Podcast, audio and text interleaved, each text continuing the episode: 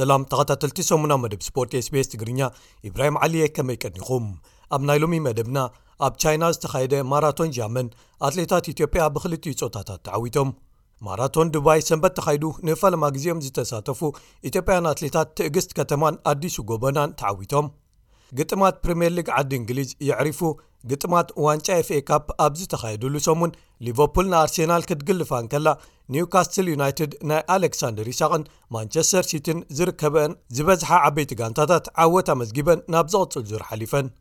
ሓደ ህቡብ ኡጋንዳዊ ኣትሌት ኣብ ኬንያ ብኻራ ተወጊኡ ዝተቐትለሉን ፍሉጥ ኣውስትራልያዊ ተቐዳዳማይ ብሽክለታ ንህብብቲ ኣትሌት በዓልቲ ቤቱን ኣደ ክልተ ደቁን ብመኪና ሃሪሙ ቀቲልዋ ዝተባህለሉን ኣብ ስፖርት ዓለም ዘሰንብድ ኩነታት ፈጢሮም ዝብሉ ገለ ትሕሶታት ንምልከቶም እዮም ሰናይ ምክትታል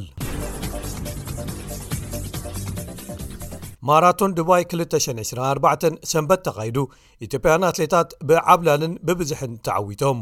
ብክልቲኡ ፆታታት ንፈለማ ግዜም ዝተሳተፉ ኣትሌታት ኣብ ዝተዓወትሉ ትእግስት ከተማ ኣብቲ ለጥ ዝበለ ገማግም ባሕሪ ጁመይራ ክብሮ ሰናይቲ ውድድር ዝኾነ 2 ሰዓትን 16 ደቕን 7 ካልኢትን ግዜ ኣመዝጊባ እዚ ግዜ ብተወሳኺ ንፈለማ ግዜኦም ኣብ ዝተሳተፉ ኣትሌታት ዝቐልጠፈ ብምዃን ክብረ ወሰን ዝሓዘ ኮይኑ ካብቲ ቅድሚ ሕጂ ተታሒዙ ዝነበረ መዝገብ ኣብ ዱባይካ ብልዕሊ ሓደ ደቒቕ ዝፈጥን እዩ። ጓል ዕስራን ሓሙሽተን ዓመት ትእግስት ቅድሚ ሕጂ ኣብ ሸሞንተ ሚትን ሽሕን ሓሙሽተ ሚትን ሜትሮታት ኣትኲራ ትወዳደር ዝነበረት ኮይና ካብ ዓሰርተ ኪሎ ሜትር ንላዕሊ ርሕቀት ዘለዎ ውድድር ተሳቲፋ ኣይትፈልጥን'ያ። ምኩራት ኣብዚ ውድድር ዝኾናን ዝሓለፈ ዓመት ካልኣይትን ሳልሰይትን ዝወጽኣን ደራ ዲዳን ሩቲ ኣጋን ብተመሳሳሊ ኣብዚ ዓመት በዚ መስርዕ ውድድረን ዛዚመን ኣለዋ ዝተረፉ ክሳብ ዓስራይ ዘለዉ ደረጃታት ኢትዮጵያውያን ወይ ኢትዮጵያ መበቆል ዘለወን ኣትሌታት ከም ዝዓብለልዎ ከኣ ተፈሊጡ ኣሎ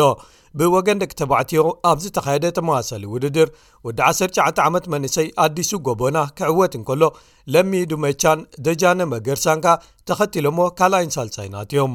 ኣዲሱ ዘመዳ ነታ ብደቂ ኣንስትዮ ካልይቲ ዝወፀት ሩቲ ኣጋ ኮይኑ ንፈለማ ግዜኡ ተሳቲፉ'ዩ፣ ክልተ ሰዓትን ሓሙሽተ ደቂቕን ሓደ ካልኢትን ግዜ ብምምዝጋብ ነቲ ርሕቀት ሸፊኑ ነዚ ዓወት ተጓናጺፉ ዘሎ። ብኻልእ ወገን ኣብ ኣትለቲክስ ዓለም ብደረጃ ፕላቲኖም ዝስራዕ ውድድር ጉያ እግሪ መንገዲ the cንd ዣመን ማራቶን ኣብ ቻይና ተኻይዱ ብዓወት ኢትዮጵያዊ ኣሰፋ ቦኪ ከበበ ተዛዚሙ ንሱ ነዚ ዓወት ዘመዝገበ ብ2 ሰዓትን 6ደ4ሸ ካልኢትን ኮይኑ ንኬንያዊ ፊሊክስ ኪርዋ ብምቕዳም እዩ ኣሰፋ ድሕርቶም ኣብ 223 ኣብ ከተማታት ቻንግቹንን ቲያንጂንን ዘመዝገቦም ዓወታት እዚ ኣብ ቻይና ንሳልሳይ ግዜኡ ዘመዝግቦ ዘለ ዩ ብወገን ደቂ ኣንስዮ እውን ኣብዚ ማራቶን ዓብላልነት ኢትዮጵያን ኣትሌታት ዝተደግመ ኮይኑ በቀለች ጉዴታ ክልተ ሰዓትን 22 ደቂን 54 ካልኢትን ግዜ ብምምዝጋብ ክትዕወት ክኢላ። በቀለች ነቲ ኣብ ፕራግ ኣመዝጊባቶ ዝነበረት ብሉጽ ውልቃዊ ግዜ ኣብዚ ናይ ቻይና ዓወታ ክልተ ካልኢታት ከም ዝቐነሰትሉ ከኣ ተጸብጺቡኣሎ።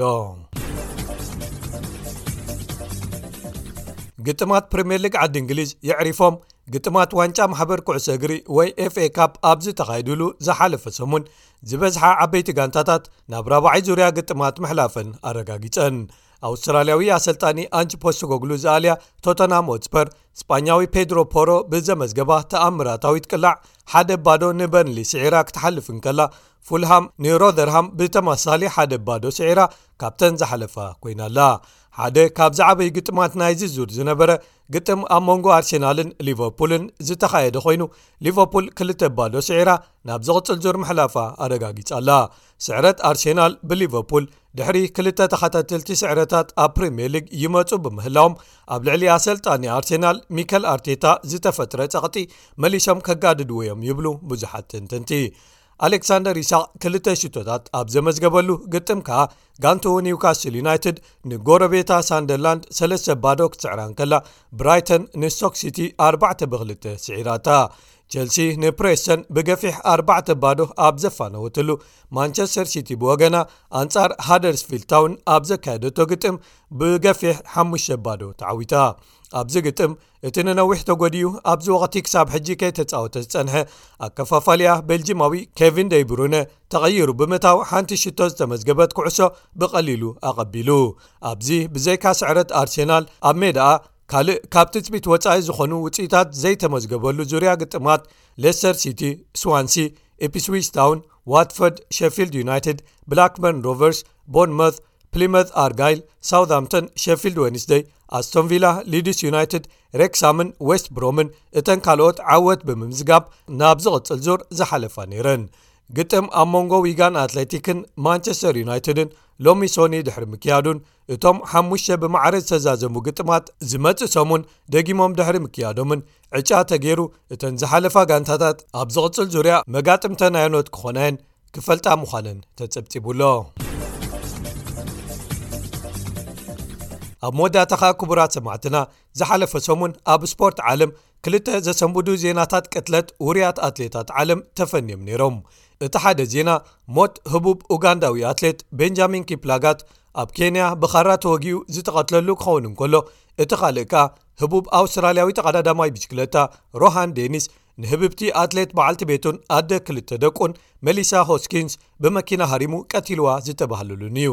ኡጋንዳዊ ቤንጃሚን ኪፕላጋት ኣብ ኬንያ እኳ እንተተወልደ ንሃገሩ ኡጋንዳ ኣብ ሰለስተ ኦሎምፒካዊ ውድድራትን 6ዱሽ ሻምፒዮናታት ዓለምን ወኪሉ ዝተሳተፈ እዩ እዚ ወዲ 34 ዓመት ዝነበረ ኣትሌት ኣብ ኦሎምፒክስ ለንደን 212 ኣብ ውድድር 300 ሜትሮ ጉያ እግሪ መሰናኽል ኣብ ፍርቂ ፍጻሜ በጺሑ ዝነበረ እዩ ቤንጃሚን ኣብ ጥቓታ ብዙሓት ዝለዓሉ ኣትሌታት ዝለማመዱላ ንእሽቶ ከተማ ኤልደሮት ዝርከብ ሓደ ማእከል ኣብ ኣፍልቡን ክሳዱን ብኻራ ተወጊኡ እዩ እናደመዮ ከሎ ሰንበት ንግሆ ኣብ መኪና ኣብ ሓደ መንገዲ ዝተረኽበ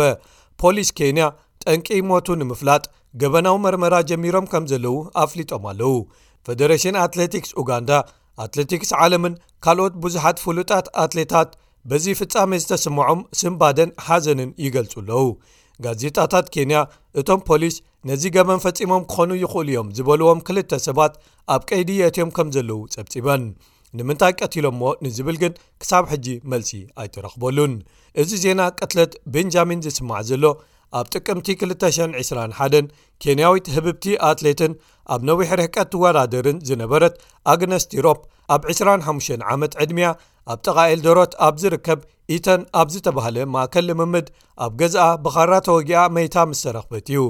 ወዲ 43 ዓመት በዓል ቤታ ኢብራሂም ሮቲች ብቕትለታ ተጠርጢሩ ኣብ ቀይዲ ኣትዩ እንተነበረ እኳ ቅድሚ መስርሕ ፍርዲ ምጅማሩ ብዋሕስ ተለቒቑ ከም ዘሎ ተጸብጺቡ ብወገን ኣውስትራልያዊ ህቡብ ተቐዳዳማይ ሮሃን ዴኒስ ግን እቲ ኣገራሚ ዝገብሮ ንሱ ባዕሉ ንበዓልቲ ቤቱ ሻምፕዮን ቅድድም ብሽክለታ ዓለም መሊሳ ሆስኪንስ ሒደት መዓልታት ቅድሚ ሞታ ኣብ ኢንስታግራም ስእላን ካልእን ጠቂዑ ምንባሩ እዩ ኣብቲ ዝጠቅዖ ምስሊ እዚ ወዲ 33 ዓመት ሮሃን ምስታ ጓል 32 ዓመት በዓልቲ ቤቱን ክልተ ደቁን ፍሽኽ ይብል ነይሩ እቲ ዘተሓዞ መልእኽቲ ከኣ ርሑስ በዓል ልደት ንዅልኹም ካብ ስድራና ዝብል ነይሩ ዕለት 31 ተሓሳስ ግን እታ በዓልቲ ቤቱን ኣደ ደቁን መሊሳ ኣብ ሰሜናዊ ሸነኽ ማእከል ከተማ ኣደላይድ ብመኪና ተሃሪማ ከቢድ መጉዳእቲ ወሪድዋ ናብ ሆስፒታል ተወሲዳ ኸኣ ድሕሪ ገለ ሰዓታት ህይወት ሓሊፉ ፖሊስ ግዝኣት ሳውዝ ኣውስትራልያ ነታ ሃራሚታ ዝበልዋ ብድሕሪኣ ትስዕባ ዝነበረት መኪና ሮሃን ዴኒስ ደው ኣቢሎም ንመራሒኣ ኣብ ቀይዲ የትዮሞ ከም ዘለዉ ሓቢሮም ዴኒስ ብሓደገኛ ኣዘዋውራ ሞት ብምስዓቡ ጥንቁቕ ብዘይኮነ ኣገባብ ብምዝዋሩን ህይወት ኣብ ሓደጋ ብምእታውን ተባሂሉ ተኸሲሱ'ሎ። ኣብ ወርሒ መጋቢት ኣብ ኣደላይድ ኣብ ቤት ፍርዲ ክቐርብ ከኣ ብዋሕስ ተለቒቑ'ሎ። ሮሃን ኣብ ግጥማት ኦሎምፒክስ 2013ን 2020ን ኣብ ፖድየም ዝወደኣ፣ ክልተ ግዜ ሻምፕዮን ዓለም ዝኾነን ኣብ ዙር ፈረንሳ 2015 መድረኻዊ ዓወት ዘመዝገበን ነይሩ። ኣብ 2023 እዩ ካብ ምቅድዳም ዝተሰናበተ። በዓልቲ ቤቱ መሊሳ